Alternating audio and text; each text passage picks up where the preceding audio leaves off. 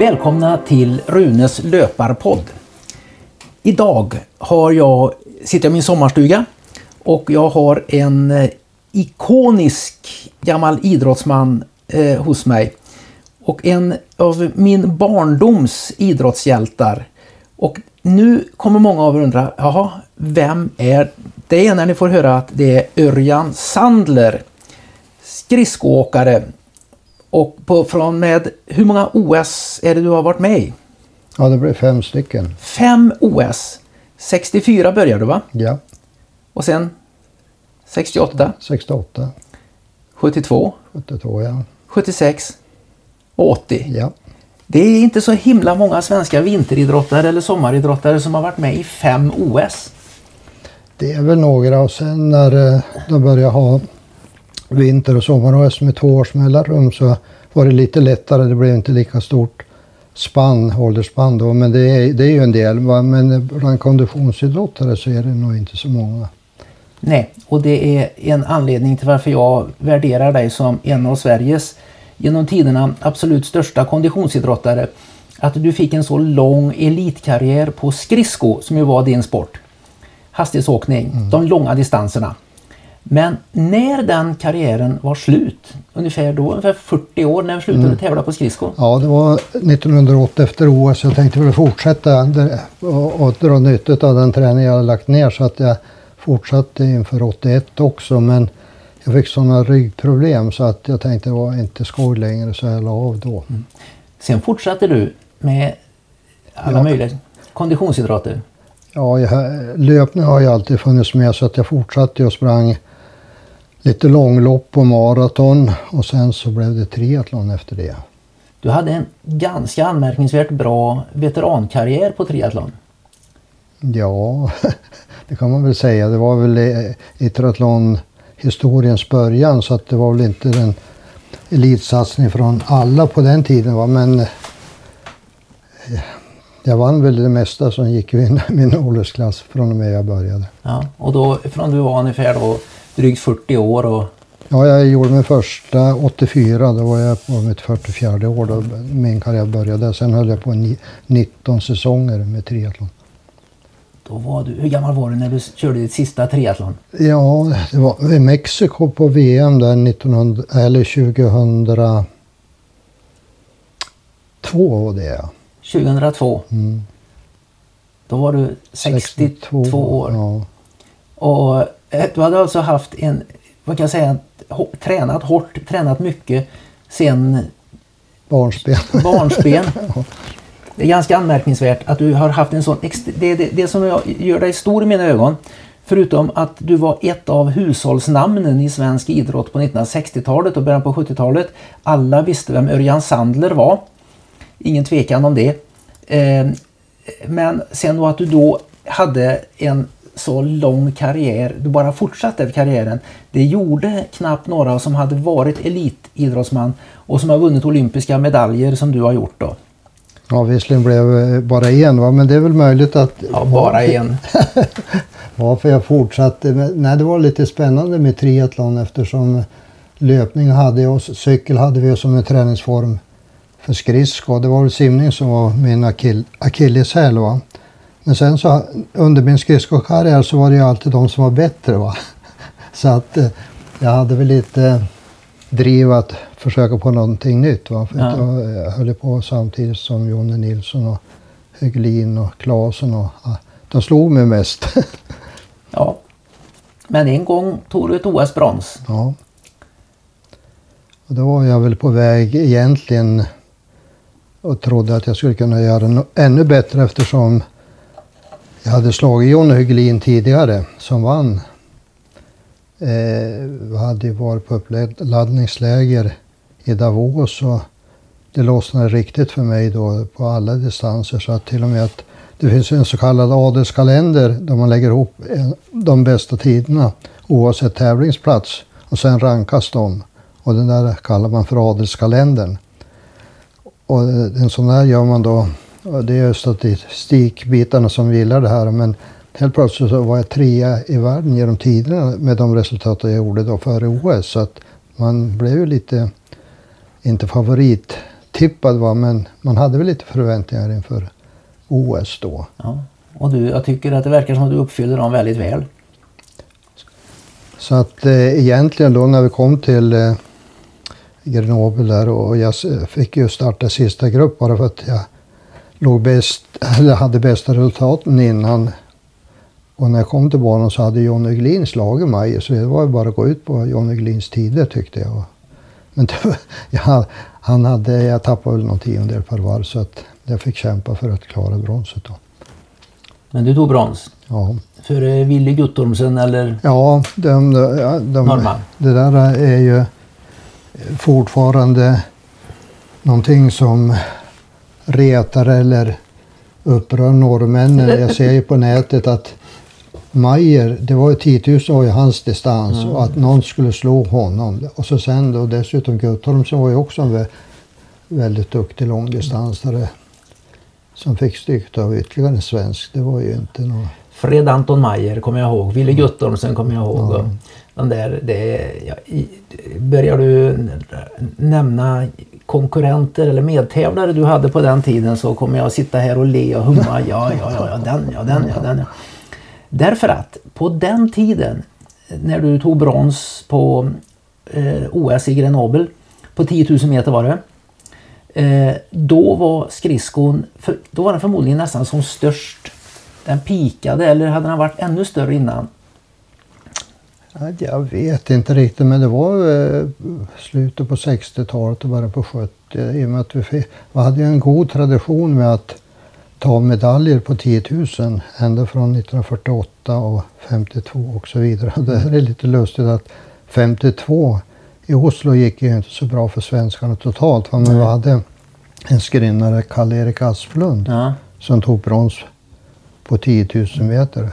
Och han är uppväxt bara fem kilometer från där jag är uppväxt. Och du är uppväxt var då? Ja, i Sunne, inte i Värmland som en del tror, utan det är Sunne i Jämtland, 15 kilometer utanför väster om Östersund. Okej. Så att hade, Väster om Östersund? ja, sydväst om man åker över, nu är det bro över Storsjön, Vallsundsbron, så åker man sydväst. Så Jag det, tänkte att då hamnar du på nästan i Bergs kommun där då. Ja, det, det, numera tillhör ju Sunne, bo- byn heter Orrviken va? men jag, när jag har pratat om min karriär så säger jag att jag är uppvuxen i skuggan av Sunne kyrka för att min pappa var kyrkvaktmästare. Ja. Okej. Ja.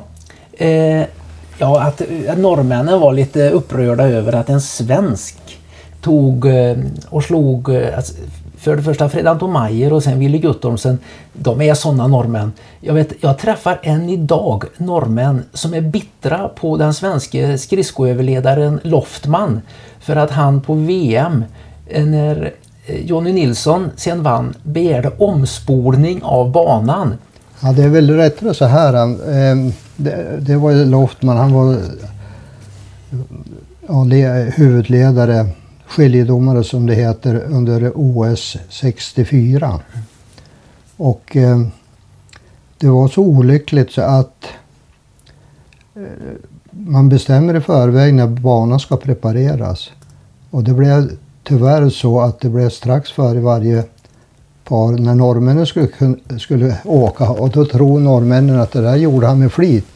Och Jonny Nilsson åkte första paret, där kan man se på bilder att han hade ju fin is. Och jag åkte i sista och jag minns jag fick åka långt ut för man vattnade inte banan utan han trodde att det var bättre att skrapa så man fick bort såren men det vattnades inte. Så att eh, de påstår att Lofman han stal medaljen för, det, för dem. De har inte förlåtit Nej, nej, nej, Sverige för det. Nej, nej. Det är alltså unionsupplösningen och Loftman. Det är sår som ligger och gnager den norska folksjälen fortfarande. Där ser man hur stort det var. Eh, bara för att belysa hur, stort, hur stor skridsko var som sport så kan jag berätta det att, att eh, det, man kunde sitta alltså eh, en hel söndag eftermiddag och titta på par efter par efter par på TV. Det gick alltså på TV ungefär som Vinterstudion är idag med alla dessa världscuplopp på skidor.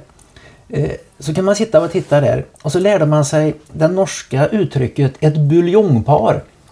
ett buljongpar, det var ett sånt här ointressant som gick i par. För eh, här, det, de hamnar längre ner, nu går vi ut och tar en buljong då.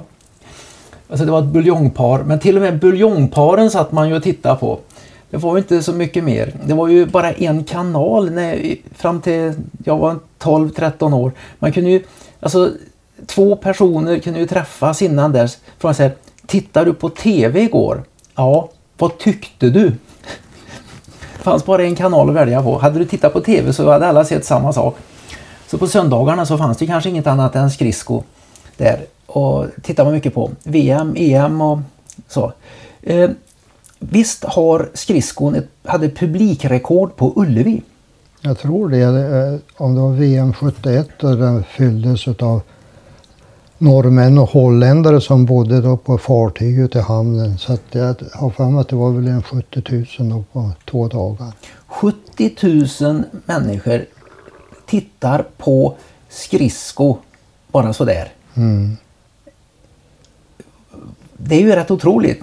De har fått, fått ha såna här logementsfartyg i hamnen för att kunna logera dem. Extra tåg från Norge. Jag kommer ihåg att Göteborgs-Posten hade en bilaga på, eller några sidor i tidningen på norska om skridsko. Skøyter är en härlig sport, tror jag en rubrik var där. Eh, så stor var skridskon. Eh, du berättade förut när vi satt och drack kaffe innan detta, eller blåbärssoppa. Jag har redan druckit säger vi. Eh, att i Östersund, som där du man kan säga nästan var närmste stad som du växte upp ja. i. Det var det något, eh, vad var det för stortävling som gick då 1957 sa du? Ja det var VM för herrar och det hade ju gått andra stora tävlingar men eh, då fick de ju VM och eh, Sigge Eriksson hade ju tagit medaljer på OS i Missourina året innan så att det var ju stort intresse och han hade väl kanske tänkt lägga av tror jag men han blev väl övertalad och satsade bara för att det skulle komma publik och publik kom det. Och på den, eh, det är ju en arena bara med i stort sett snöläktare och på två dagar så var det 34 000. Och andra dagen var det 20, minus 20 grader då stod man kvar där hela, hela tävlingen ut där, där kuppen då vann. Uppe i Östersund? Ja.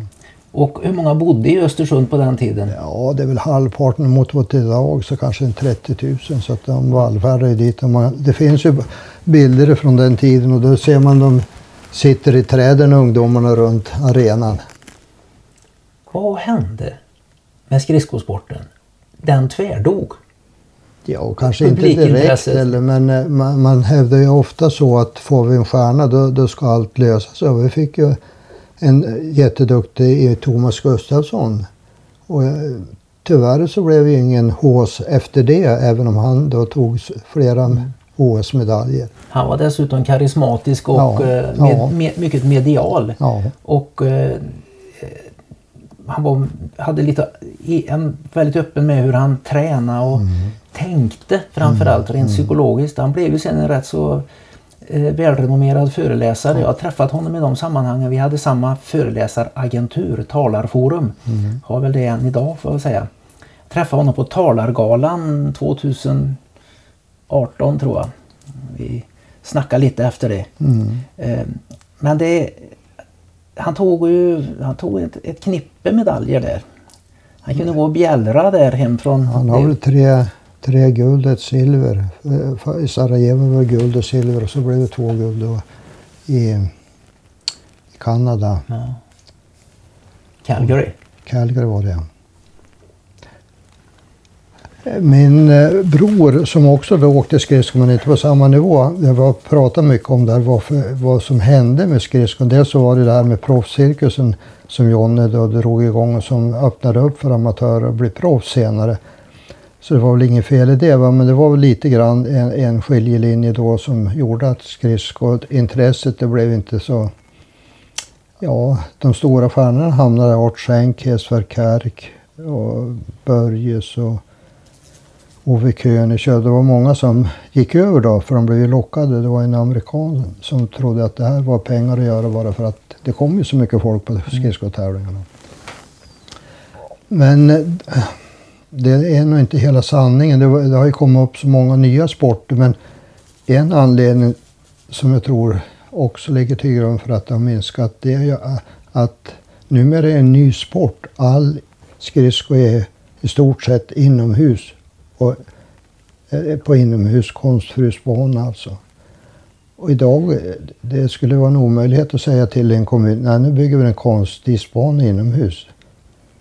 Så vi har ju ingen här. De håller på att lägga ner Rudalen som är det enda som halvpart ligger lite under tak men inte helt inomhusarena så det finns ju ingenstans att åka i Sverige. Nej. Och nu med det klimat som är nu så är det ju bara norröver vi kan ha naturis. Ja, Slättbärshallen i Trollhättan där Sveriges ja. nu bästa skrinnare Nils van der Poel mm. som har tidigare, han var ju vår första gästen i Runes löparpodd. Mm. Och i pratande stund så håller han på och cyklar ifrån var det till Mora till Ljungby tror jag. Han är ute och cyklar genom Sverige på sju dagar från riksgränsen till, till eh, Smygehuk. Ja. Det är en riktig hårding den där. Han drar sig inte för något. Han eh, eh, tränar ju på en 250 meters bana där inne och eh, att få tider i en ishall så där, det är ju inte hur som helst. Man kan bara gå dit och ställa skridskorna på isen och åka. Så det är nog svårt. Men eh, i Nederländerna där har de ju Heerenveen var den första inomhusbanan tror jag. Va? Och sen har de, har de fler idrottshall, eh, skridskohallar 400 meters där inne. Ja, det eventer kan jag tänka mig också har. Och Norge bygger väl flera så att det är... Fast den har ju gått ner skridskorna i Norge också men de har ju några duktiga där men eh, de har ju, har ju anläggningar. Och så har vi då Nils van der Poel som mm 14 på 5000 i OS 2018.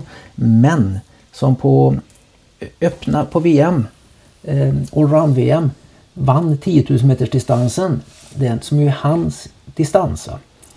Så att eh, eh, det finns hopp för Sverige. Ja. Han är en talang men han är väl ganska ensam skulle jag tro om att hålla riktig världsklass.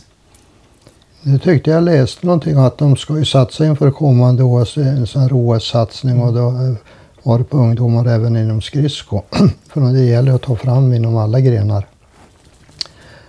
Nej, det finns ju så få platser där de åker så det, det, det är ju inte lätt. Och när jag började så var det, det så stort så att det, det skrevs om skridsko hela tiden så man blir ju påverkad. Nu vet ju, vet ju folk inte egentligen vad hastighetsåkning på skridsko är nästan.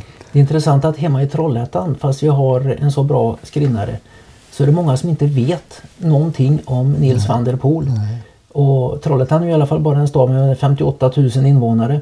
Och vi har inte, det är ju inte nedlusat med eh, världsstjärnor. Vi har någon pingisspelare och vi har Nils då, kanske någon till. Eh, Nils van der Poel, ja, är det en holländare som bor i Sverige och som bara är här och gör något sånt här exjobb för sin civilingenjörsutbildning på GKN Volvo Aero. Nej, det är faktiskt en ur-Trollhättebo. Mm. eh, jag tror han har någon fa farfar från belgiska Flandern eller någonting sånt där och han har fått sitt namn. Men han kan inte ett ord. Han har, det är bara det att han blir väldigt hyllad när han kommer ner i Nederländerna med det namnet. Ja, har jag hört. Ja, jag förstår det. Nej, jag vill ju skylla lite grann på media också. Man kan ju visa vissa idrotter på tv fast vi inte har stjärnor. Nu finns det ju Backhoppning har ju varit tradition först mm. Eh, på nyårsdagen, backhoppning från Garmisch och, och konståknings-VM och EM och där har vi fått en del stjärnor. Men när ser du skridskor numera, det är när det är OS. Mm. Och tyvärr då så kanske bara korta inslag. Som det var förr, då fick du följa med och se hela 10 000 meter och mm. eh, spelet om poängen för att vinna sammanlagt. Så att folk är helt okunniga idag. Mm. Såvida inte är den äldre generationen. Ja, det var ju så stort och ni var ju sådana stjärnor. Du och Höglin och Jonny Nilsson. Jag brukar berätta det att eh, ni var såna jättestjärnor så att eh, de förstår ju inte det. Vilken rockstjärnestatus ni hade. Men det hade ni. Ni var ju, alltså alla visste ju vem Örjan Sandler var på den tiden. Det, kan, det, det var ju faktiskt så. Du får ju gå långt ut i stugorna eh, för att inte någon skulle veta vem Örjan Sandler var eller Jonny Nilsson. En flicka i bekantskapskretsen då när jag var barn hade ett gosedjur som hon döpte till Jonny Nilsson. Ja. Och vi ville ju ha såna här skrinnarmössor, de här mössorna ni hade. Eh, skridskomössa. Mm. Ungarna skulle ju ha skridskomössa, det var liksom Mm. status. Då den här som gick ner som en liten pip Ja, fram. Jag vet det. inte varför den gick ner som en liten pip fram. Det. Det var så. Men eh, så stort var det. Nu ska ju alla vara någon slags Zlatan där och Mm. tatuera sig istället när de blir tillräckligt gamla. Det var annat. Eh, så stort var skridskon då. Men hur började du med din eh, skridskokarriär? Ja, det var väl som jag sa tidigare att var, tidningarna var ju fulla utav reportage. Åtminstone lokalt i Östersund eftersom Sigge bodde där, Olle Dahlberg och Och Sigge, Sigge Eriksson Ja. då. OS-guld eh, 56. 56 och även brons, eller silvermedalj på 5000 och sen blev han världsmästare innan i, i Moskva 55. Så att eh, och sen ja var det ju EM 54 var min första skridskotävling. Gick och tittade på när Hjallis Andersson var med och eh, ja som sagt var, man blev lite indirekt påverkad. Och då när jag började på läroverket i Östersund 54 så ville jag väl prova på hastighetsåkning. Varje onsdag hade man en sån här serietävling uppe på Fyrvalla som idrottsplatsen hette.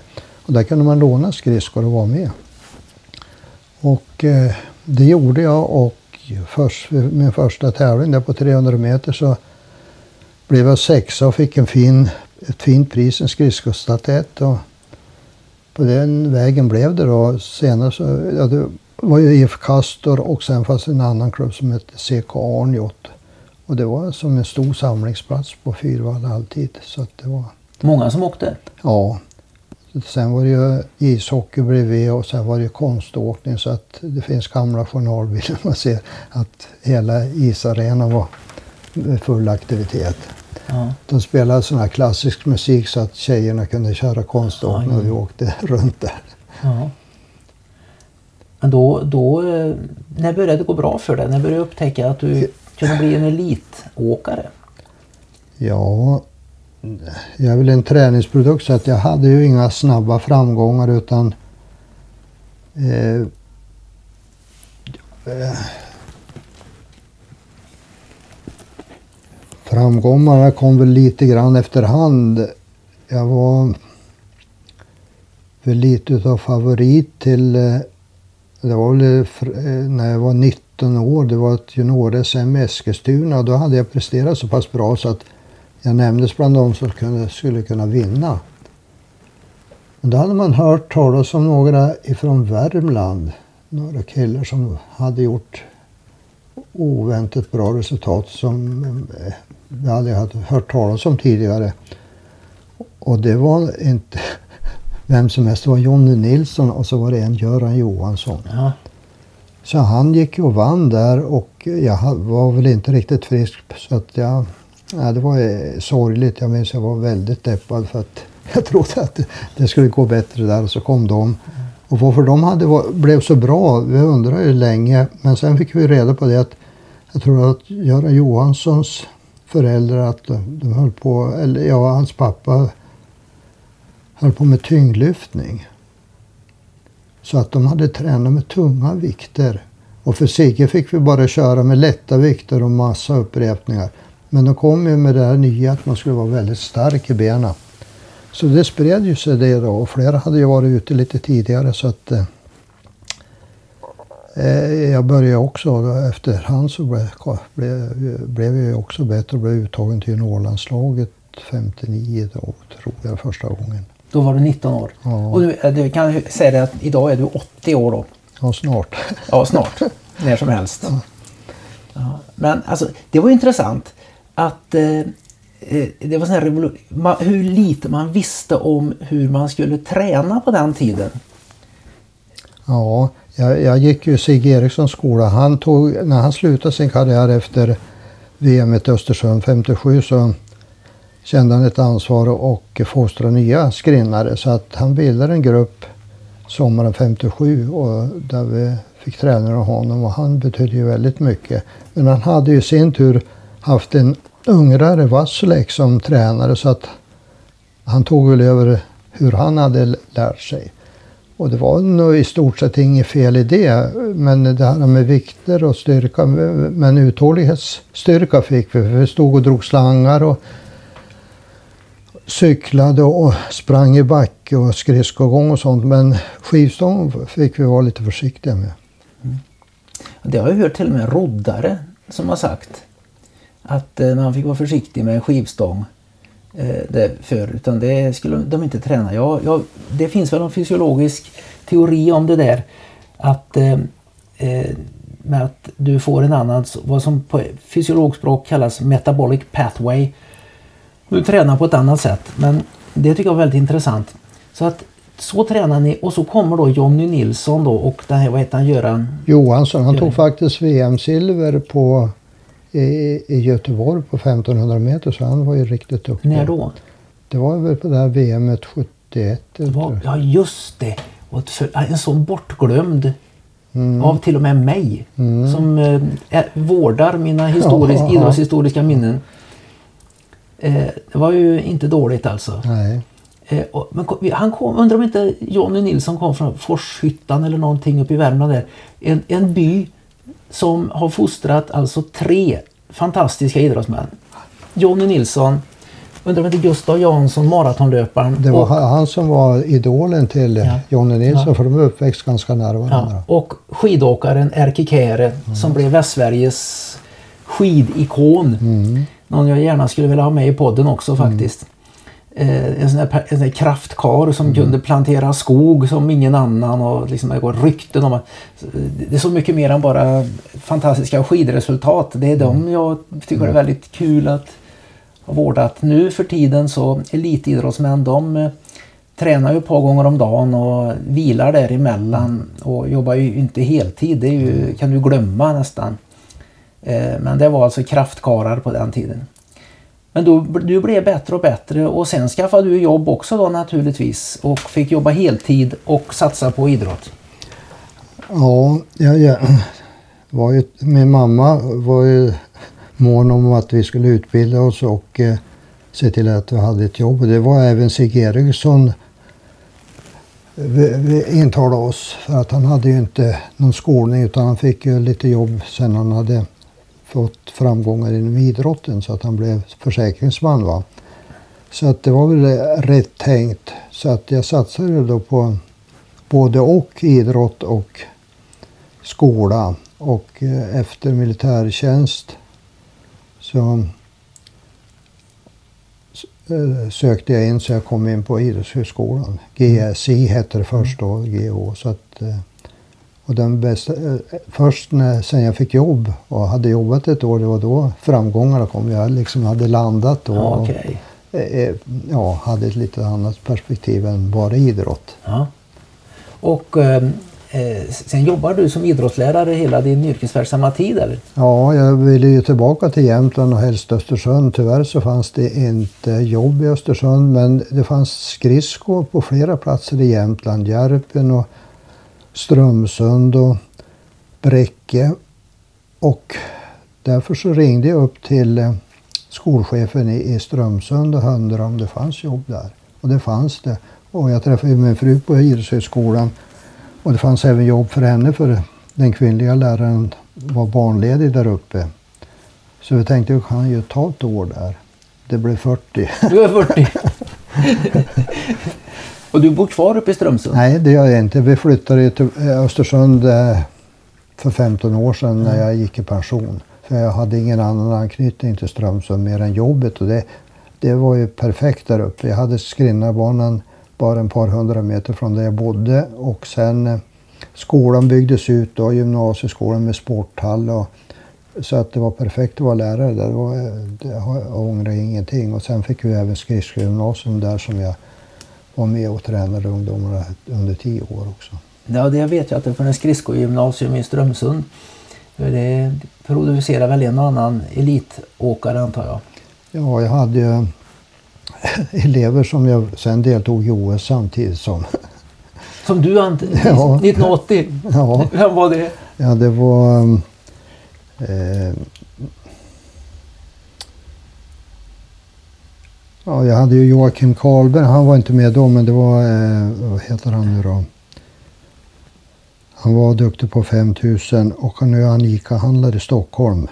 Men nu namn. Ja, du, det, är, det är samma med mig. Jag är, jag är en 14 år yngre än vad eller 16 år yngre än du och jag börjar redan tappa namn. Eh, Såna här uppenbara namn som man borde kunna. Ja, Vad- vad- absolut, Vad är, det det nu, vad är det nu min äldste pojk heter? Ja, ja, just det. ja, men alltså 1980 när du gjorde ditt sista OS. Mm. Då, då var det en av dina elever åkte också. Då. Ja. Vem utav er åkte fortast? Jag fick ju bara åka 10 000 och han åker en annan distans då. Så att, Vad har du haft för placeringar på dina OS egentligen? Medan vi byter samtalsämne lite brutalt här. Ja, mitt första OS då var jag väl bäst på 1500 som 15 och sen lite sämre på 5 och 10 000, 16 och 17 tror jag. Sen 68 då hade jag, var jag sex, får se nu, femma tror jag på 5000 och trea på 10 och sen var jag tia på 1500. Ja. Sen eh, så både John Höglin och jag tänkte nu gäller försvara här i Sapporo men Ja. Vi blev övertränade bägge två. Okej. Vi körde alldeles för hårt så att Stor där, fara. där var det inte så lyckat. Sen på mitt sista OS, i, jo 70, 76 ja. Eh, då gick ju Innsbruck igen Mm. och jag hade trott att vi skulle få komma till USA, Denver. Men det var ju en miljörörelse som satte stopp för. Okej, var det därför Ja. Denver, eller att, att Innsbruck Ja. kom igen? Ja.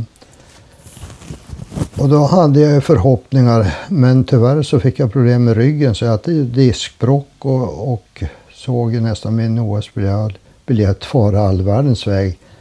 Jag var ju så dålig så att jag kunde inte snöra på mig mina skridskor. Jag hade visserligen gjort några tider va, men och jag får runt och fick behandling en här och en där och titta på resultatet hur de andra åkte. Men då hade jag en kvinna då som var specialist på ryggar i Stockholm som hjälpte mig.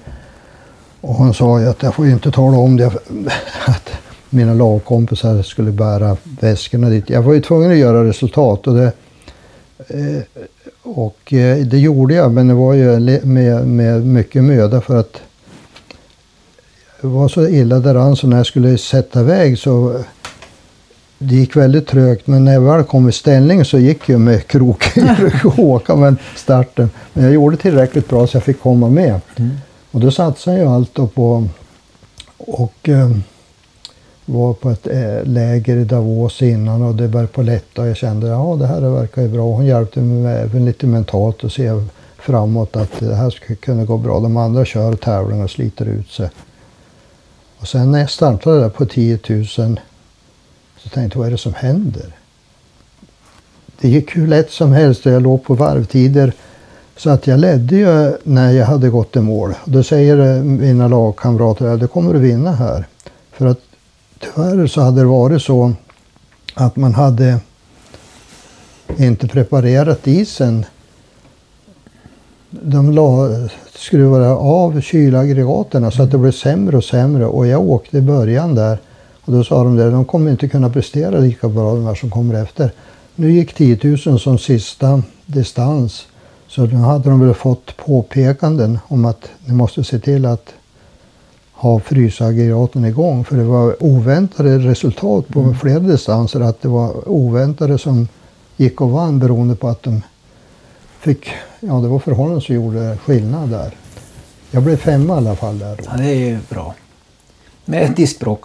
Ja, då, då hade det eh, tack och lov gått över det mesta. Men det var... Jo, men du hade ju haft svårt att träna naturligtvis innan. Jag hade tränat ordentligt innan så att det var men och det var lite fram och tillbaka så där att jag blev sämre och eh, gjorde uppehåll och vilade och försökte sträcka på mig alla övningar jag skulle göra.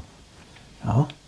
Så femma. Och sen då 1980. Åter då fick jag ju bara åka 10 000 och det var ju besvärligt för att överhuvudtaget komma dit. Va? För att jag var ju uträknad redan inför 72 var jag veteran. Mm. Och Ja. det var- att jag då skulle fortsätta. Jag hade ju sagt ifrån med landslagsplatser så jag, jag tränar ju på egen hand. Och, och då gäller det ju att verkligen visa resultat. Men då var jag så motiverad så att jag, plus att jag jobbade så var jag uppe klockan fem på morgonen och körde ett pass och sen om jag hade tid på någon lunch eller längre ledighet på jumpan så körde jag och sen på eftermiddagen och for på egna läger. Och sen eh, gäller det att, att eh, visa resultat och komma med för det skulle jag göra på internationell nivå bland de åtta bästa. Och det jag ändå hade kunde se fram emot var att kunna kvalificera mig till EM som skulle gå i Trondheim. Och det, dit lyckas jag kvalificera mig men där måste man ju då komma bland de 16 bästa som skulle få åka 10 000. Mm. Så att jag måste prestera bra på de kortare och de hade jag inte prioriterat. Och min akilleshäl var ju 500 meter, jag var inte så snabb.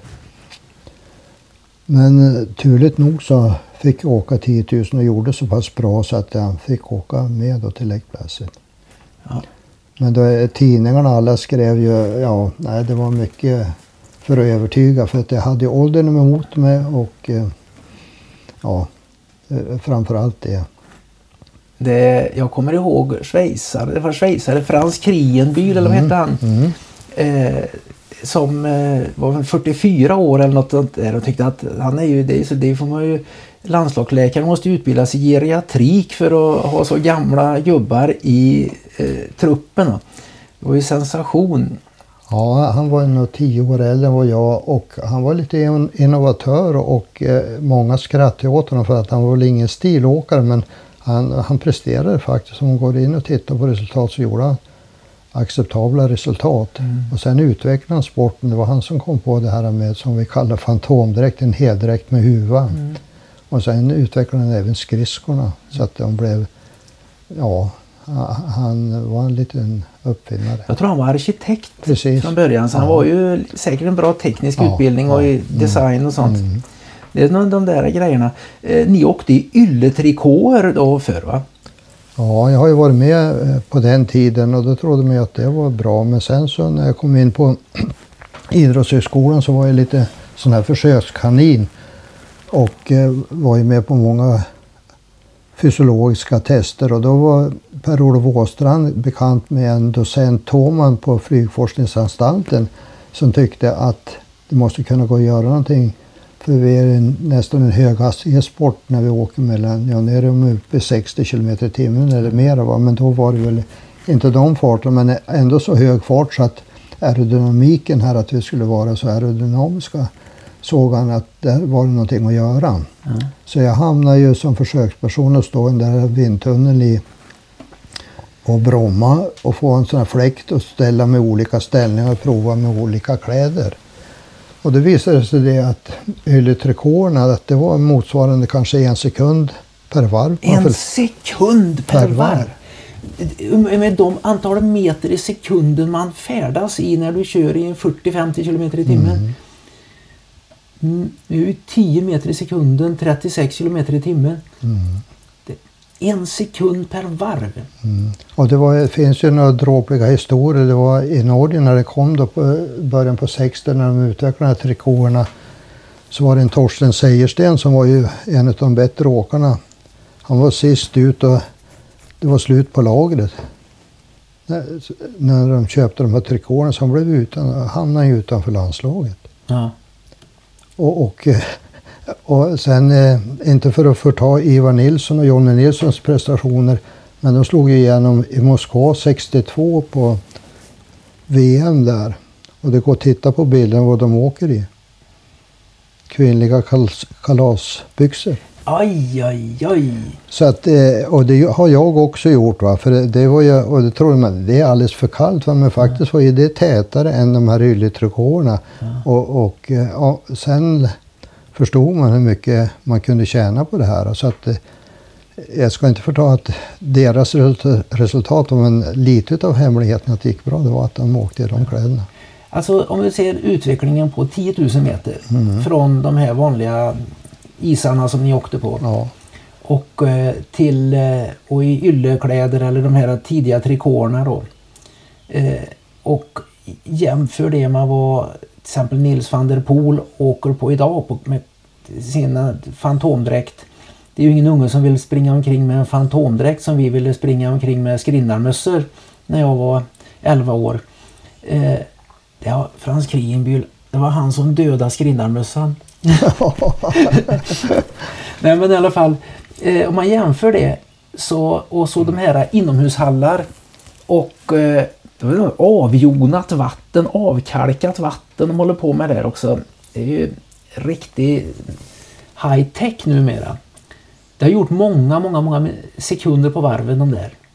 Ja, nu, det var ju 35, mellan 35 och 40, det var ju bra sekundtid. Nu är det ju allt under 30 ska vara på varvet.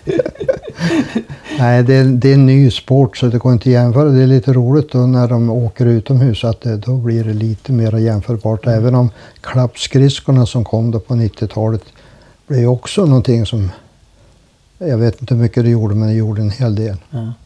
Vad är det snabbaste du åkte 10 000 på? 15.09. 15.09? Nu åker de två minuter snabbare. Eller ja. tre. tre ja. Men, men det är ju så att jämföra och det är ju jämföra med tiderna. Det var som jag såg en intervju, eller program med Ingmar Stenmark. Han tyckte att det, det var skrattretande att se honom och jämföra med idag. Men så får man ju inte göra. Nej. Ingmar Stenmark hade varit bäst idag också med de här skidorna. Och eh, väl, väldigt stor sannolikhet att ni hade varit eh, bäst du och Jonny Nilsson Höglin och hela det där gänget. Fred Anton Mayer och, och eh, Art Schenk och mm. Kesver Kerk och mm. hela det där gänget.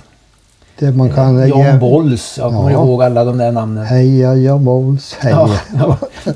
De hade ju det norrmännen. Ja. Sägern är vår, sägern är vår, vi har vunnit, sägern är vår. Ja. Ja, det, ja, jag minns när, hela, när Jan Bolls åkte på Ullevi. Och hela, alltså var en hel sida av Ullevi sjöng ju då till mm. Jan Bolls. Mm. Eh, där. Så att eh, när man fått in bra bit i den rytmen, det skulle inte hända idag. I en inomhushall. Ja, men det var ju fantastiskt. Några gånger så upplevde man ju den där, inte för att de hejade på mig, men de åkte på med någon av de här stjärnorna i Norge på Bislett och där är publiken så pass nära. Man hörde sig inte själv andas, man hörde inte skridskor, man bara bars mm. fram. Mm. Det, det, är därför de på Bislett på, i friidrott, ja. det är ju där de har slagit nästan flest ja. löp, eh, mm. löparvärldsrekord mm. på medel och långdistans. Mm. Det finns ingen annan arena som har slagit så många där. Och det säger de att där är publiken så nära och så ja. entusiastiska. Norrmän är väldigt bra publik. Va? Och det är därför de är så engagerade. Det är ju därför Knut Kuppern Johannesen, den store skridskohjälpen. Är det han eller Hjallis Andersen som står staty utanför Bislett? Eh, det är Hjallis. Det har ju blivit en på Kuppern men det vet jag inte var den är. Men det är nog Hjallis i så fall. De statyerna river de inte ner? Nej. Annars är det just nu i pratande stund så ja. håller de på att riva ner statyer och ifrågasätter statyer. Ja. Men, mm. men det kommer nog eh, eh de bildade ett medborgargarde för att skydda de statyerna mm. om det skulle mm. vara ifrågasätta Hjallis Andersen där utanför. Mm. Eh, där. Och kuppern.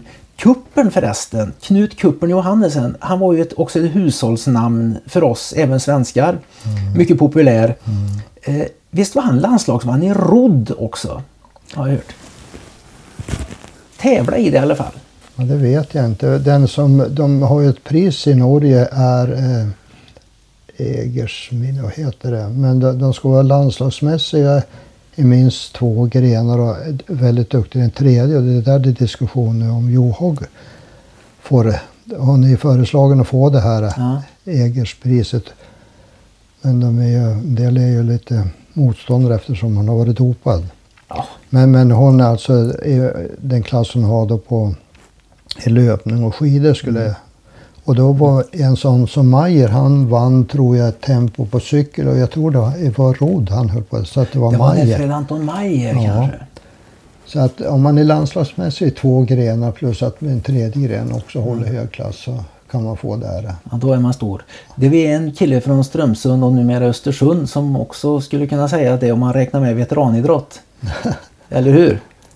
OS-brons på 10 000 i Grenoble på skridsko och eh, vann du veteran-VM också i, i triathlon eller? Ja, där har jag kanske 12 15. OS, jag, för, första var jag Avignon, VM gick som jag var med på. Sen var jag med fram till 93. Och jag vann nästan varenda gång och sen har jag även på långdistans och sen i Aqua London man simmar och springer och sen även i, i duathlon då vi cyklade och simmade. Det har du vunnit alltså så på triathlon? Då? Ja. Sen har jag ju vunnit även i skidor. Veteran-VM. Och sen har jag sprungit. På skidor? Ja. Har du vunnit veteran-VM på skidor? Ja. Och där det visste jag inte. Jo då. Och det, det, det var ingen vem som helst jag konkurrerade med. Björn Andersen. Ja. Men han skulle aldrig ta stryket av en skridskoåkare. Nej, det fick han. det här var i, i Österrike 2001. Och han, eh, jag träffade honom många gånger och jag hade stort utbyte. Han var väldigt hygglig att sova men han var väldigt prestationsinriktad. Mm. Så många gånger så fanns han på plats men ställde inte upp. Beroende på att jag vet SM i Stockholm, veteran-SM på skidor, så var med på uppvärmning och jag hängde på där. Jag tänkte, helsike, ska man köra så här hårt på uppvärmning? Nej, jag ska inte tävla, säger han efteråt. Men tack och lov så hjälpte han mig och, och stöttade mig när jag, när jag tävlade. Men vad jag skulle berätta det var i Maria Sellerland i, i Österrike 2001. Och vi körde väl tre distanser, 10, 15 och 3 mil. På, på skidor då? Ja. Och eh, det är gemensam start på veteranskidorna så att man har full koll. Och jag gick ju upp, tror jag, ledning där och låg Ja, vi var en klunga så hade jag någon som var på bakhasorna hela tiden. Och eh, när det var någon kilometer kvar så, så kom ju Bjarne och gick om och jag tänkte ja, jag klarar inte av att hänga på honom. Men eh, vi rundade en flygplats där målplatsen var och jag märkte att jag började på att ta in på honom. Så på upploppet så var jag precis, ja, ja det var inte långt ifrån va. På nästa distans, då var jag lite taggad då. Det blev samma sak och då skilde det bara några tiondelar. Men han hade, jag hade full support av de övriga för han var ju jag har inget ont att säga om, om Bjarne men han var ju lite kaxig sådär. Mm. Så att, eh, nej, aldrig, för jag kunde inte åka skidor sa han. För han åkte bakom mig och sa att jag var ingen skidåkare. Men jag kan ju säga samma sak om Han hade också en speciell stil ja. som inte var... Han var ju östgöte vet du. Ja, Ödeshög. Ja, ja. Men för att berätta vem Bjarne Andersson är, var, tyvärr är han ju inte med oss längre. Eh, han var ju, dels var han svensk mästare i terräng, terränglöpning. Och där snackar vi också att han hade ju en elitkarriär som löpare. Ja, han var ju med finkamp. Finkamp och allt möjligt. Och han var ju en av Sveriges absolut bästa skidåkare mm. då under mm. ja, slutet på 60-talet, början på 70-talet. Ja. Många år där. Ungefär samtidigt ja. som du mm. eh, var bra där. Och han hade ju, det är ju mycket historier om Bjarne Andersson. Han var ju liksom Eh, en, en, riktig profil alltså. Men Ja, det var inte dåligt faktiskt. Jag har aldrig vetat att du var så bra på skidor. Skridsko, skidor och triathlon. Ja, sen löpning så hade, mötte jag också Bjarne på Lidingöloppet några gånger och vid ett tillfälle då så står ju Nils Lodin där och intervjuar Bjarne för han hade vunnit och jag kom tvåa jag var inte långt efter. Nej, men han hade varit ute på en träningsrunda så han förtog min prestation totalt. Ja. Kände sig för mig. Ja, men, men det är nästan typiskt Bjarne. Han, han gav säkert det han hade. Ja. Helt klart. Eh, men Bjarne Andersson, vann inte han ett Lidingölopp en gång i tiden totalt? Ja, det vet jag inte, men det är möjligt. Men jag sprang ju då 15 kilometer på 54. Sen vann jag faktiskt i 60-klassen sen på 10 kilometer på 38 minuter. Nu har jag kollat 60-klassen. Det är inte så många som kommer ner på den tiden nu. Nej. Jag tror jag sa det till dig en gång för länge sedan. Det var när vi träffades kanske när jag var ute och föreläste. Sa du Funäsdalen eller vad var det du sa? Ja. Då sa jag det att jag rankar dig som en av Sveriges genom tiderna absolut största konditionsidrottare. För jag sa till dig. Och då måste jag ju motivera det med någonting då. Och då är, finns det flera kriterier som jag har. Och eh, då är kriterien, ett kriterium är då absoluta elitprestationer. Och det får man väl säga att ett OS-brons är en absolut elitprestation.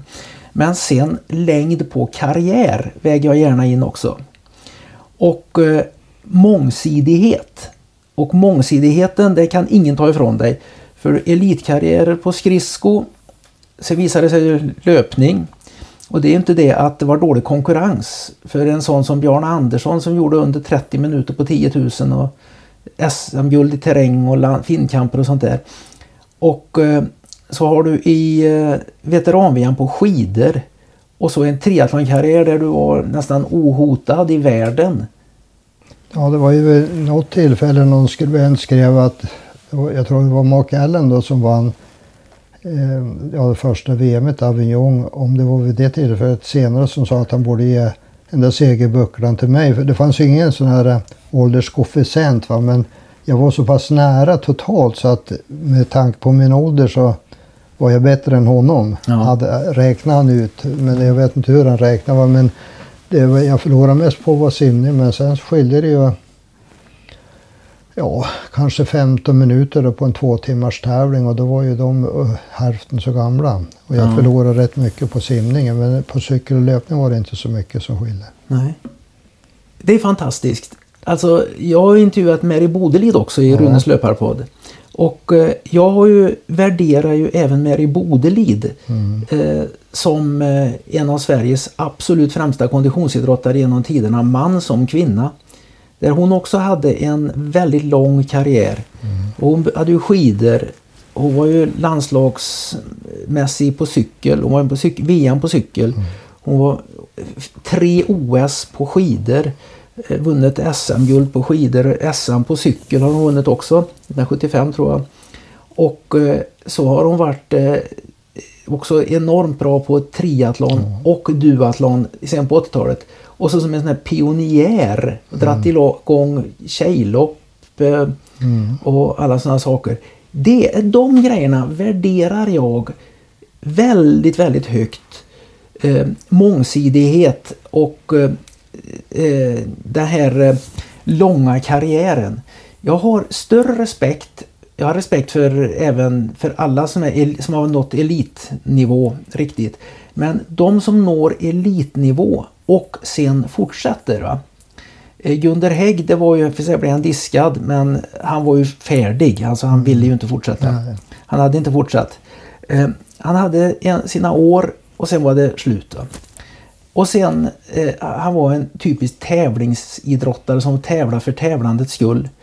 Och sen har du eh, vissa andra skidåkare då som bara hade sin skidkarriär och sen tror jag aldrig de åkte är min stora ungdomsidol i orientering, Bernt Frilén. Han vann ju kanske världens genom tiderna bästa orienterare. Han var något år där när han vann i princip allt. Eh, så fort han var klar med karriären så la han av. Sen har, man, har han bara setts till som åskådare. Och de är fantastiska. Men de som har haft en elitkarriär och sen fortsätter och fortsätter och fortsätter och fortsätter. Det värderar jag väldigt högt. Och så mångsidigheten. Så Örjan Sandler. Eh, jag prutar inte på att du är en av Sveriges absolut största konditionsidrottare genom tiderna. Tyvärr är det många som inte eh, fattar det. För du är inte den som hänger upp dig själv på anslagstavlan och kräver bekräftelse till höger och vänster. Och eh, idrottshistorien får ju aldrig glömma bort dig, Mary Bodelid och de här andra och den klassen som jag just har berättat. Därför har det varit väldigt, väldigt roligt att ha med dig i Runes löparpodd. Jag tror detta kommer att bli en slags idrottshistoriskt dokument, den här Runes löparpodd. Där eh, du har fått berätta lite av din historia. Mellan att jag har brutit in och Ja, det var väldigt hedrande att få eh, komma hit. och eh, eh, det är så få som vet idag hur stor skridskosporten var. Och man kunde höra en norsk kommentator, radiokommentator, när det var någonting, till exempel ett världsrekord på Bislett på 10 000 meter och han säger att det var akkurat det mest fantastiska jag sett sen kuppen satte världsrekord på låglandsbana. Ja, refererar till de här gamla hjältarna. Eh, Jag hoppas att skridskon får ett uppsving. Kanske med Nils van der Poel, kanske med den här satsningen som Wolfgang Pichler faktiskt eh, är med och han är ju en demontränare och demonregissör av det här. Och eh, än en gång, tack Örjan Sandler. 80 år gammal snart, om någon månad kanske. Ja, i september ja. September. Och detta spelas in i juli. Eh, jag må du leva då i förväg Ja, och tack eh, la- jag må minnet av din fantastiska karriär leva i evighet. Tack ska du ha och tack, Tack. från Runes löparpodd. Tack för